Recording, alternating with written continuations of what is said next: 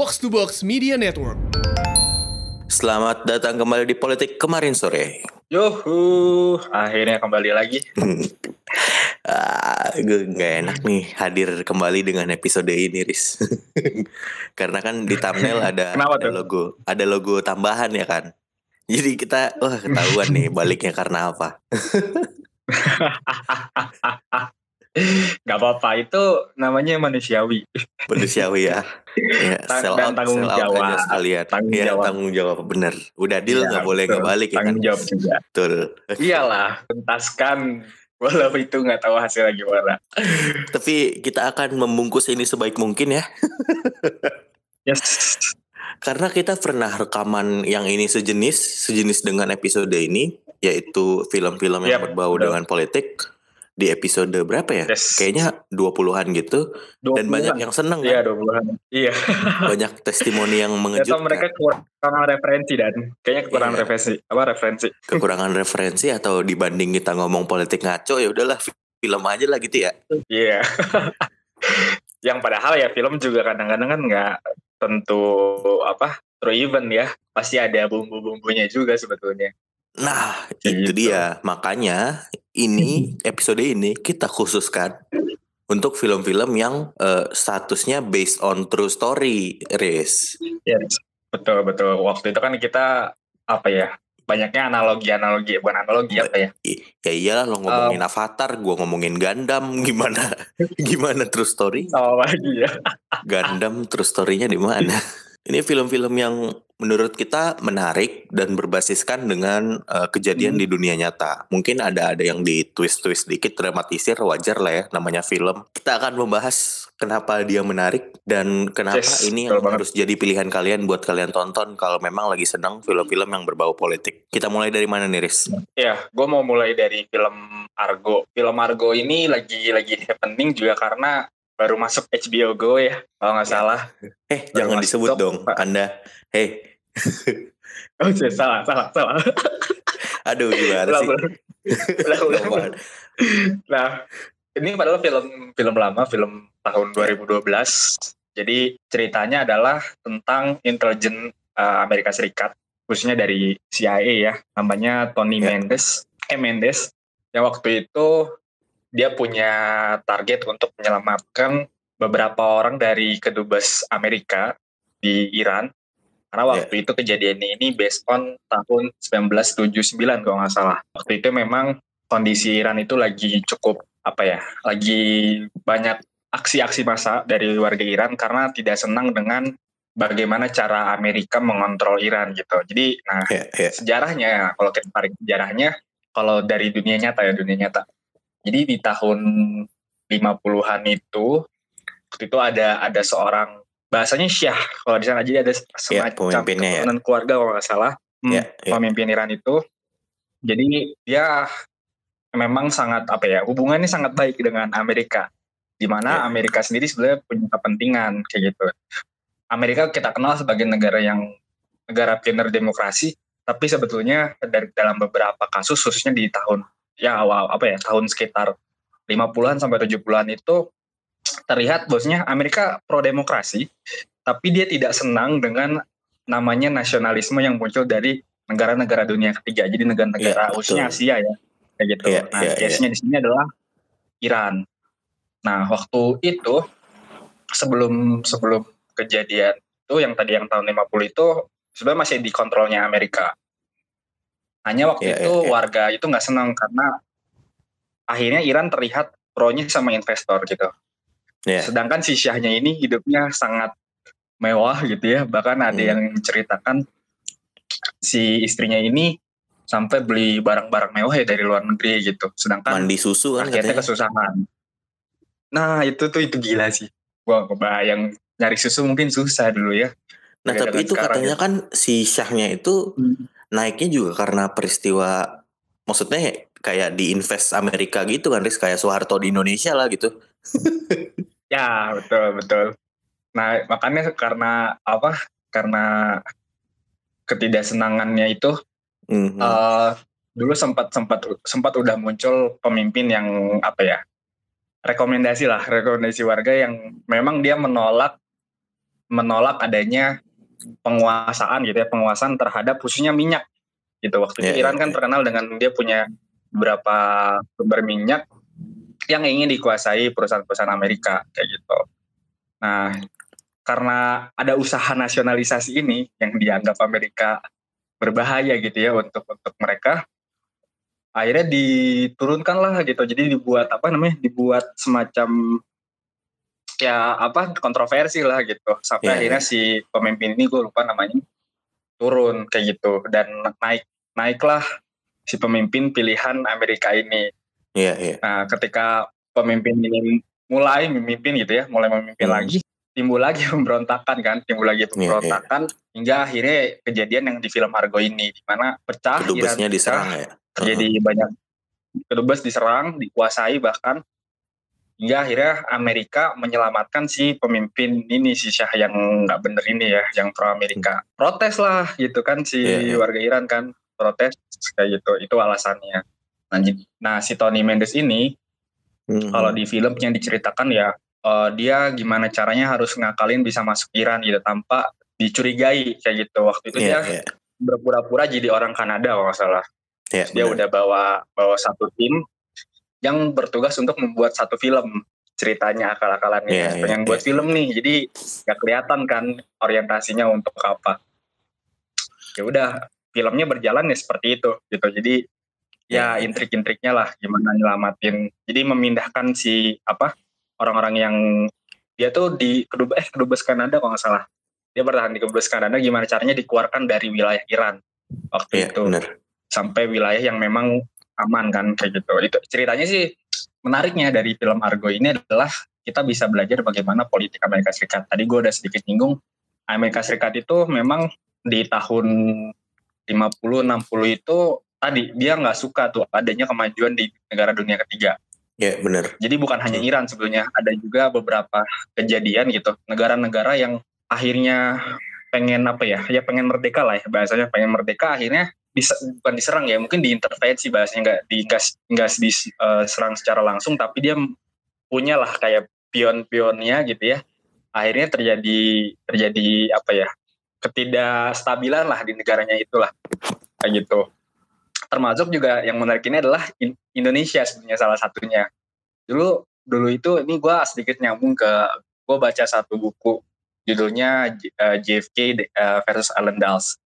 Nah, Allen Dulles ini adalah dulu itu direkturnya CIA di tahun sekitar tahun uh, 50-an kalau nggak salah sampai 60-an lah pokoknya. Waktu itu dia ketika pertama kali ngejabat itu presidennya masih Eisenhower. Yeah, Eisenhower. Yeah. Nah, setelah Eisenhower turun muncullah uh, sosok JFK waktu itu. JFK sendiri kebijakannya beda nih, beda dengan pemerintah sebelumnya di mana dia justru sangat populis ya. untuk negara-negara. Ya, dia mendorong dunia ketiga itu untuk merdeka.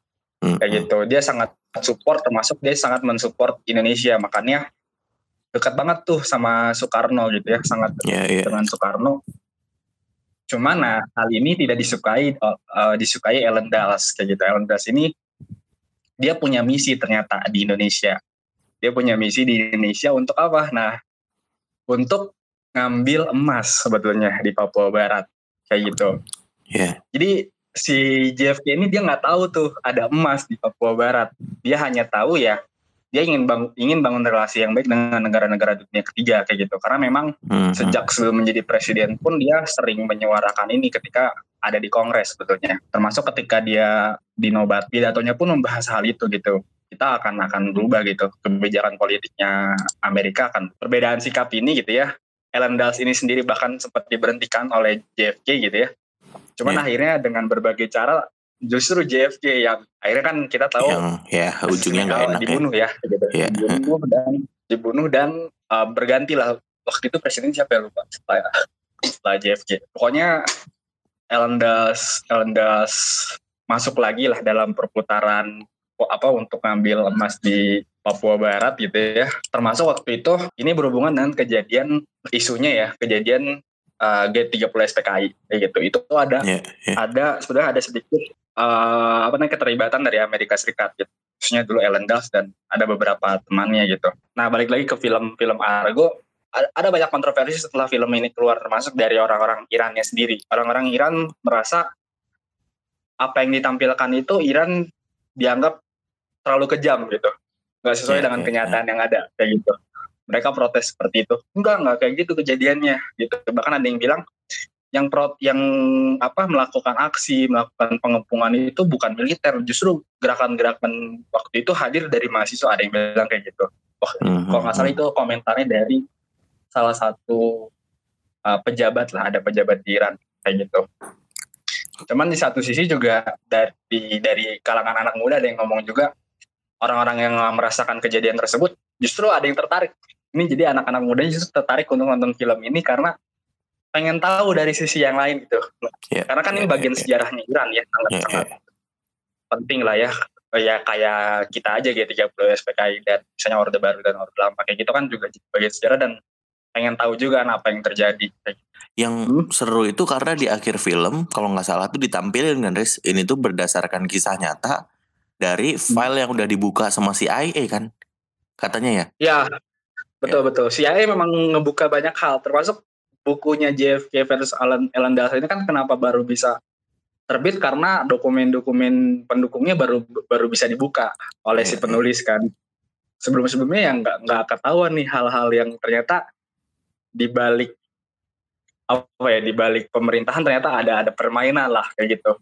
Dan itu ternyata kan hubungannya juga dengan investor dengan bisnis ya agak ngeri sih kayak gitu. Karena bisa dibilang kan ini bentuk apa ya? Bentuk gue ngelihatnya ini kayak bentuk kol, kol, apa kol, kolonialisme baru lah kayak gitu. Jadi kita tidak menguasai sepenuhnya tapi mengontrol lewat sumber daya sumber daya yang memang pengaruhnya besar untuk satu negara gitu kan. Maksudnya kan emas itu kan harganya mahal ya. Gak iya, semuanya yeah. punya gitu. Atau minyak di Iran. Gak semua orang punya, gak semua negara punya minyak dan minyak sangat dibutuhkan gitu. Kita bisa apa ya sangat berpengaruh lah gitu ya harga minyak dan sebagainya juga untuk nanti uh, kegiatan ekonomi yang lain. Gitu gitu sih. Jadi dan ya, film ini yang main Ben Affleck ya? Ben Affleck Batman. Jadi sejelek apa pun kayaknya harus tetap ditonton. Karena Batman versus yeah. Superman yang jelek kayak tetap pada dinonton ya orangnya karena Ben Affleck gitu. Iya itu kualitas aktingnya sih nggak bisa apa udah best lah kan memang dapat apa Oscar juga kan kalau nggak salah ini film pertama. Ini directed oleh dia ya Riz ya kalau nggak salah ya. Pokoknya ini film dia pertama yang yang dapat Oscar gitu kalau nggak salah ya. Iya iya iya. Iya kalau nggak salah ya Argo. Secara ini juga sangat menarik sih Riz. Kayak lo nggak nyangka menyelamatkan orang dari kedubes yang dikerumunin dengan cara jadi kru film gitu didandanin jadi ya, kru ya. film buat dikeluarkan dari border Iran dan negara-negara tetangganya. Hmm. Uh, ada lagi mungkin Riz? Sebenarnya tadi gue menyambung film Argo ini ya. Jadi film Argo ini ya sebetulnya kalau kita telah ini mungkin adalah bagian media propaganda ya dari dari pemerintah Amerika Serikat bagaimana dia sedikit atau ya bukan mungkin bukan membersihkan aja sih tapi juga ingin mengangkat bosnya Amerika itu uh, terlihatnya baik lah gitu terlihatnya baik gitu sedangkan sebenarnya banyak juga beberapa film yang gak sesuai dengan realita juga dan kayak gitu. Yeah, yeah, contohnya yeah. ya, contohnya itu ada Rambo. Rambo ya terkenal banget lah si siapa namanya? Gue jadi lupa. Sil Sylvester Stallone. Stallone. Ya. Hmm. Itu yang sampai empat ya nggak salah ya. Itu oh, kan mm, di film itu kan menunjukkan si Rambo ini adalah sosok yang super hebat gitu ya. Militer hmm. yang hebat bahkan dengan sendiri dia bisa melul melulah hantakan pasukan Vietnam ya waktu itu waktu perang Vietnam yang mana padahal ya kalau kita mau baca sejarah gitu kalau kita mencari sumber yang utama gitu ya kita tahu mm -hmm. bahwasanya waktu itu Amerika justru kalah tapi diputar balikan lewat film Rambo ini yang memperlihatkan wah Amerika memang super power gitu ya super power bahkan mm -hmm. di kekuatan militer juga gitu saking saking seperti nah benar, kayak benar, gitu benar. nah dan sebenarnya yang kayak gini-gini emang emang banyak film kayak gini gitu bahkan ada yang pernah riset ada yang bilang bahwasanya film-film Hollywood pun gitu ya apalagi hmm. yang khususnya perang ataupun ingin memperlihatkan kejayaan Amerika ada kerjasama ternyata dengan CIA gitu ya jadi dipilah-pilah gitu hmm. dan itu juga yang yang mungkin kita bisa lihat kayak kita sering pasti lihat ya kayak emang ada ya gedung-gedung kayak apa Pentagon gitu ya Iya, terus iya, apa ya terus kayak fasilitas-fasilitas yang ini kayaknya real deh bukan bukan CGI gitu ya Iya, bener-bener iya, iya. pesawat apa dan sebagainya nah dari dari dari situlah akhirnya kayak ya nggak mungkin gitu ya kalau film pasti costnya gede banget kan kalau nggak kerjasama kan Iya, iya. karena pasti ada nah mungkin jadi murah ya karena ada titipan juga kan gitu. dan Iya. lain-lain lagi isunya seperti itu gitu ya dan mungkin sebetulnya kalau kita mau telah mungkin negara-negara lain pun punya versinya masing-masing ya maksudnya banyak juga menggunakan film akhirnya jadi propaganda Iya. kayak gitu Ya kita kan pakai juga G30 SPKI. Ini itu ini Iya. ya Sama aja sebenarnya. ya Sejarah memang tapi ya gitu. punya mereka yang kaya, Riz. bukan yang menang doang berarti ya Bukan yang menang doang. Eh, siap siap kalau Iya, dan- fokusnya di film, kayaknya gue mau geser ke series deh. Tapi ini sebenarnya masih senada sama dua Hmm, film sebelumnya boleh, sih, Riz. Ini sama-sama si eh, sosok satu pihak menceritakan pihak lawannya. Gue baru-baru ini tertarik banget sama eh, dokumenter, semi-semi dokumenter gitu. Yang pertama yang mau gue ceritain itu Hmm. ada Hitler, The Rise and Fall. Jadi Hitler oke sebenarnya kan gue sangat malas baca-baca buku biografi kan. Jadi gue sangat bergantung nih sama film-film kayak gini. Entah itu sosok Hmm. William Churchill, terus eh, siapa tuh yang bikin Hmm, Winston The Mind Games tuh yang mainnya si Cumberbatch juga, Perang Dunia juga, gue lupa. Tapi gue sangat bergantung Oh, pada film-film Alan kayak gini. Alan Turing Ya Alan Turing. hmm. Jadi Yes. ya gue gue sadar ini propaganda sih karena ini orang Amerika nyeritain Hitler gitu. ya yang pasti isinya nggak ada yang bagus ya kan. Tapi yang gua nggak dapat dari bacaan-bacaan Ya. yang pernah gue baca Betul. sebelumnya, yaitu eh, Hitler ini sebenarnya kejayaannya itu dibangun semuanya atas kebohongan gitu, Riz. Ya, menurut gue menarik banget sudut pandangnya. Dia nyeritain dia dibesarkan di keluarga yang bermasalah. Terus ketika dia mulai Hmm. ngerantau gitu ke Austria, nggak diterima di kampus mana-mana, dia mulai kayak nge-twist hidupnya dengan kisah-kisah yang sebenarnya bukan punya dia. Salah satu yang Hmm. paling terkenal banget itu di film ini diceritakan itu eh, kisahnya adalah yang dikisahkan si Hitler nih ya. Jadi dia lagi tersesat, terpisah dari kompinya gitu. Terus dia Hmm. ketemu tuh lima atau enam tentara sekutu lagi ngaso, lagi ngerokok atau lagi ngapain gitu, agak jauh dari senjatanya. Dia berhasil mojokin lima enam orang itu, terus ngebawa mereka ke markasnya Jerman buat ditahan. Gara-gara cerita ini, Hitler itu diangkat, Hmm. dipromosi Inggris. Gara-gara cerita ini. Tapi ternyata yang dibuka dari film ini adalah ini itu cerita pasukan kompinya, bukan Hitlernya. Jadi Hmm. yang ngalamin ini tuh pasukan kompinya, tapi Hitler yang ngulang orasi itu berulang-ulang sampai dia dipromosiin dan orang percaya kalau itu dia yang ngelakuin. Oke, ya ya ya ya. Padahal dulu Ah, tugas Hitler itu katanya di pasukan kan dia sebenarnya bukan orang yang secara militer Hmm. cemerlang ya. Tugas dia di Hmm. militer itu cuma penyampai pesan gitu. Karena dulu kan nggak ada sinyal aba-aba pakai sound atau pakai apa gitu kan. Jadi Oh, Entah pergantian ya, ya, formasi, Yang maju dia- duluan ya. ya dia dia disuruh lari tuh ngabarin ke pasukan depan, balik lagi bawa informasi gimana. Tugas dia cuma Iya, iya. itu sebenarnya. Karir politik dia juga dimulai eh, karena sebenarnya kan Jerman saat itu lagi stuck baru kalah perang dunia kan. Ya. Eh, Nazi itu kan bangkit mau perang dunia 2. Dia juga Hmm, ditarik orang-orang si Nazi di origin of Nazi ini ada tiga atau empat orang gitu ngelihat karena Hitler dia punya kemampuan kayak ngedoktrin saat dia Hmm. berorasi gitu. Makanya dia ditarik Oh. dan direkrut oleh partai Nazi ini dijadiin pimpinan, dijadiin wajah gitu. Ya, ya, Menurut ya. gua karena kan emang magical, Riz. Lo saat perang dunia satu lo masih jadi eh, ya Hmm. remaja pengangguran aja gitu. Lo terus lo perang Iya, dunia iya. dua cuma beda berapa tahun lo jadi pemimpinnya, jadi kanselirnya. Itu kan aneh. Uh, Oke. Okay. Ini ini cerita di filmnya ya? Ini cerita, cerita di filmnya gitu. Dan maksudnya ini yang ini yang benar sih sebenarnya, bukan oh, framingnya. Ini benar. Hmm. Seriesnya itu cuma 6 episode. Uh, ya, ya. Masing-masingnya sejam, sejam setengah lah. Uh, dan menurut gue menarik ya karena diceritain oleh pencerita Amerika jadi kayak ngegosipin orang gitu nggak berat-berat banget tapi dia memang memfeature jadi uh, seriesnya ini nampilin formatnya gitu Riz dia cerita hmm. terus nanti ada tiga atau empat tokoh sejarawan gitu dikonfirmasi ceritanya ketiga oh, atau empat oh, orang ya, itu ya, jadi ada angle-angle yang berbeda terus lo dapet hmm. benang merahnya nih mana yang bener sebenarnya terjadi dari tiga empat orang ini kan yang diomongin sama hmm. gitu kan jadi ya ya mungkin itu yang kejadian uh, banyaklah cerita-cerita yang akhirnya bisa ditonton dari film tanpa harus membaca buku. Emang pemalas aja. Uh, terus gue mau ceritain satu series yang menjadi alasan kenapa podcast ini ada. Jujur. Iyalah, gak enak nutup-nutupin.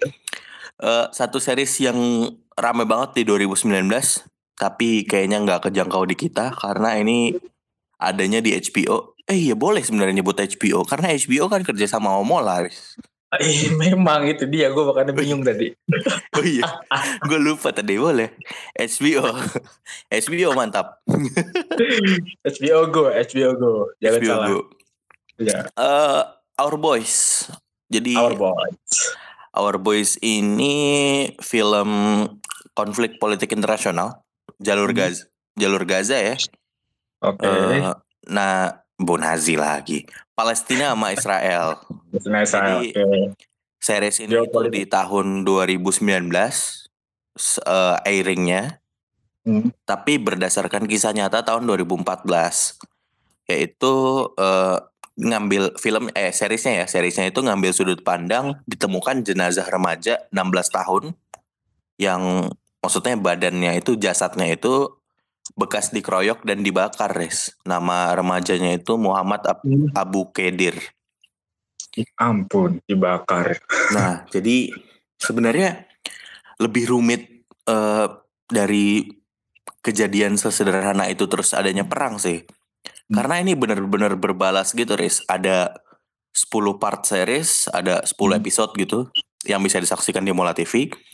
Uh, eh, jadi sebenarnya ini tuh dimulai dari penculikan tiga remaja Israel. Remaja Israel yang diculik, tapi nggak langsung eh, nggak uh, langsung perang tuh ya. Uh, Israelnya nggak langsung nyerang. Hmm. Tapi dibalas dulu nih dengan diculik lagi si Abu Kedir tadi ini.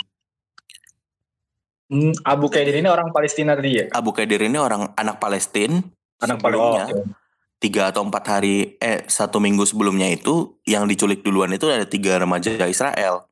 Hmm. Nah tiga remaja Israel ini sebenarnya nggak bisa diidentifikasi siapa yang nyulik, tapi hmm. tiba-tiba udah ditemukan jasadnya setelah hilang satu dua minggu gitu. Jasadnya ditemukan, terus ada saksi mata yang ngeklaim kalau dia itu kemarin dimasukin ke mobil pasukan Hamas Hamas Israel ya? Hamas eh, Israel. Eh, Palestina, ya? Palestina. Oh, Palestina salah. Mas Palestina. Terus akhirnya karena itu ada yang ngebalas nyulik lagi si Abu Kadir ini. Hmm. Tapi secara lebih terang-terangan gitu dan bisa hmm. diidentifikasi. Hmm. Nah, akhirnya karena ini perang pecah, Riz. Ya walaupun maksudnya hmm. kayak ya gimana ya banyak banget kejadian yang bisa memicu perang di uh, Israel Palestina kan sebenarnya. Hmm.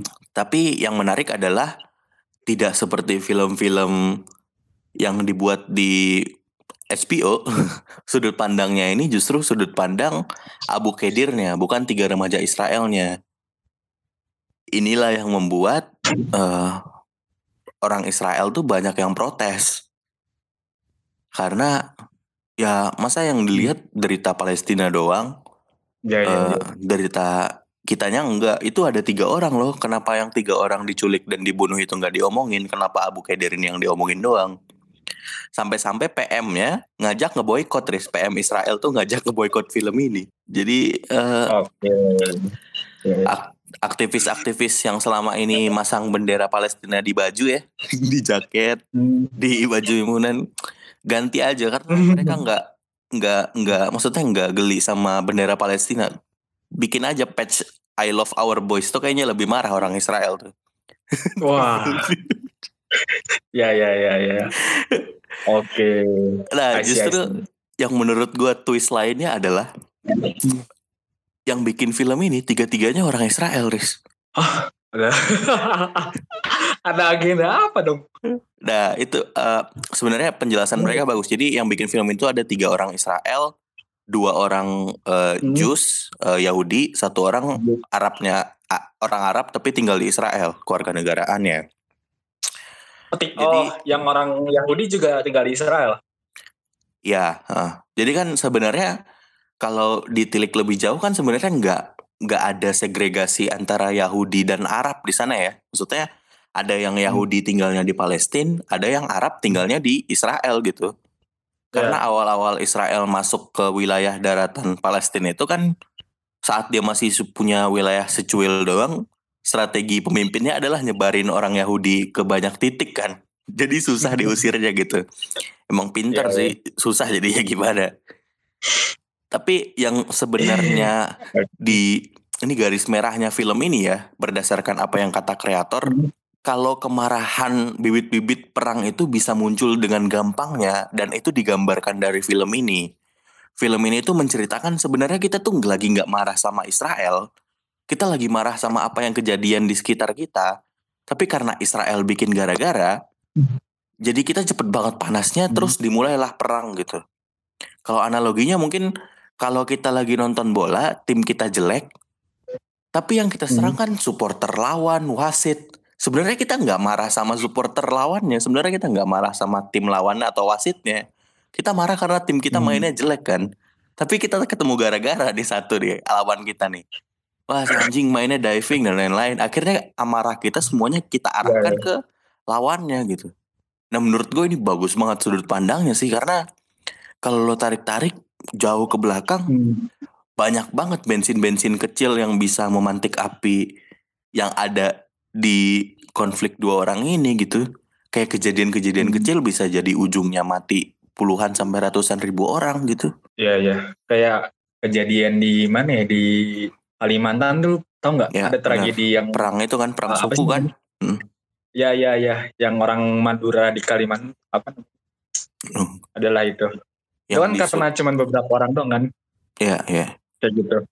Cuman ya karena mungkin apa ya budayanya gitu ya, budayanya seperti itu memang sangat erat dan yang ngumpul gitu ya. Ya, Ini ya. yang merasa sakit sa- sama-sama sakit gitu ya. Eh, ini juga keren sih yang eh keren kan ada yang diceritain waktu turun tangan turis kalau lebaran mereka tawuran kan daerah Sulawesi ya kalau nggak salah tuh ya jadi Oh iya.